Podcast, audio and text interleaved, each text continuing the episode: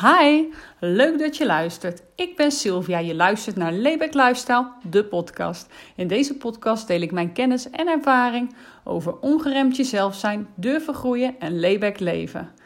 In deze podcast ga ik het hebben over de kracht van goede vragen stellen en wat het jou kan brengen. 5 kilo afvallen, 250.000 euro op je bankrekening hebben of veranderen van job wat je ook graag wilt, welk doel dat je ook nastreeft, uiteindelijk ben je altijd op zoek naar een bepaalde gemoedtoestand. Vraag jezelf eens af: ben ik niet stiekem ergens anders naar op zoek? Jezelf goede vragen stellen is een belangrijk hulpmiddel om je bewust te worden van wat je echt wilt. Wat ga je met dat geld doen dat je gaat winnen? vroeg de quizmaster aan de deelnemer van het tv-programma. Ik ga op vakantie.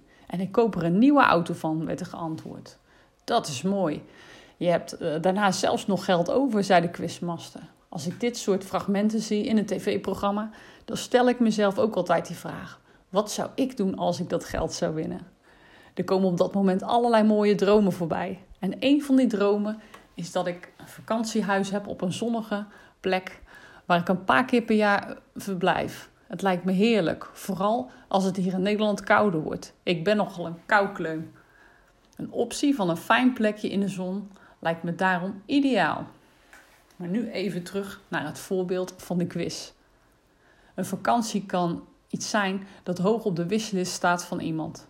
En toch hoef je niet per se te wachten tot je een grote geldprijs hebt gewonnen. Je kunt de droom om op vakantie te gaan namelijk eerder realiseren. Bijvoorbeeld als je per maand een geldbedrag opzij zet. Of dat je gaat besparen door dingen te laten. Koop bijvoorbeeld minder kleding of ga minder vaak buiten de deur eten. Bovendien hoeft een vakantiereis niet altijd veel te kosten. Als je goed rondkijkt en vergelijkt, dan kom je al heel eind. En ook voor een auto kun je sparen, tot je het bedrag dat je hiervoor nodig hebt bij elkaar hebt. Maar wil je de ervaring om in je droomauto te rijden al eerder beleven? Dan kun je een auto huren of plan gewoon bij een garage eens een afspraak in. Om alvast een ritje met jouw droomauto te kunnen maken.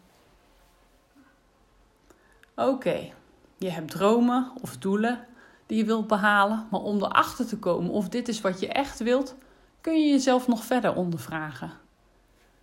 Waarom wil je op vakantie? Zoek je rust? Waarom zoek je rust? Hoe kun je rust vinden? Wat moet je daarvoor doen? En wat heb je daarvoor nodig?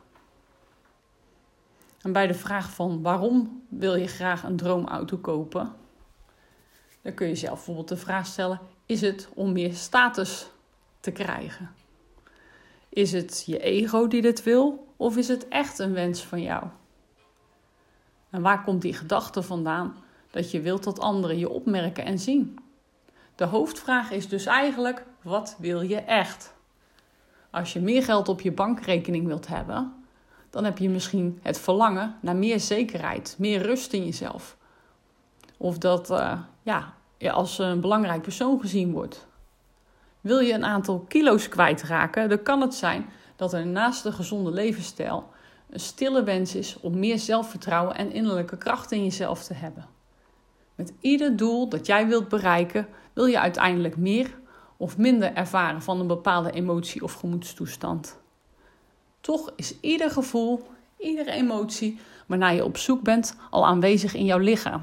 Je bent er je misschien alleen nog niet van bewust. Of je nu mentaal sterker wilt worden, meer rust wilt, of over meer zelfvertrouwen wilt beschikken, iedere emotie hebben we al een keertje eerder in ons leven ervaren.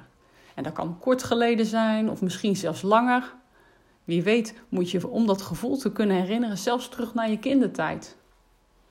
Echt rust in jezelf voelen heb je misschien wel eens gevoeld als je een heerlijke dag achter de rug hebt. Of vlak voordat je in slaap viel. Of een paar to van je lijst kon afvinken. Of denk aan een vakantie dat je op een mooi strand in de zon zat te genieten van het prachtige uitzicht. Of misschien ervaar jij juist wel rust tijdens een wandeling in de natuur.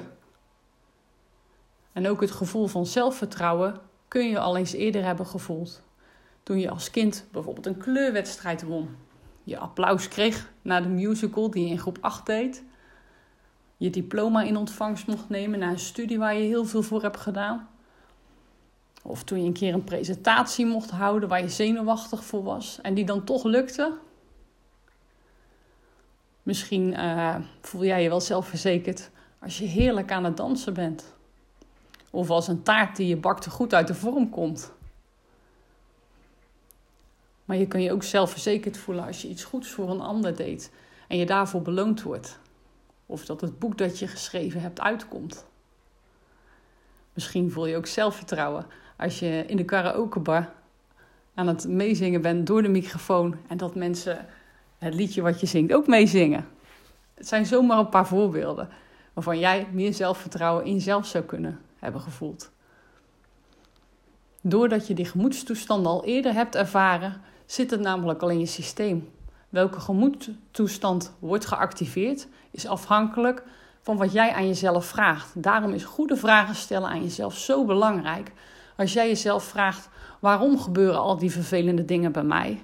Dan probeer je in gedachten automatisch een antwoord te zoeken. Je krijgt dan ook de bijbehorende gevoelens van die vraag erbij, waardoor je in een negatieve stemming terecht kunt komen. Daarmee wil ik niet zeggen dat je niet verdrietig mag zijn, maar ik wil je wel laten zien hoe je het ook anders kunt zien. Stel jij jezelf de vraag: hoe kan ik er vandaag een mooie dag van maken? Dan ga je je meer focussen op positieve gevoelens die jouw vraag teweeg brengt. Wil jij een doel bereiken? Vraag je dan niet af waarom alles mislukt en waarom je doel onbereikbaar lijkt.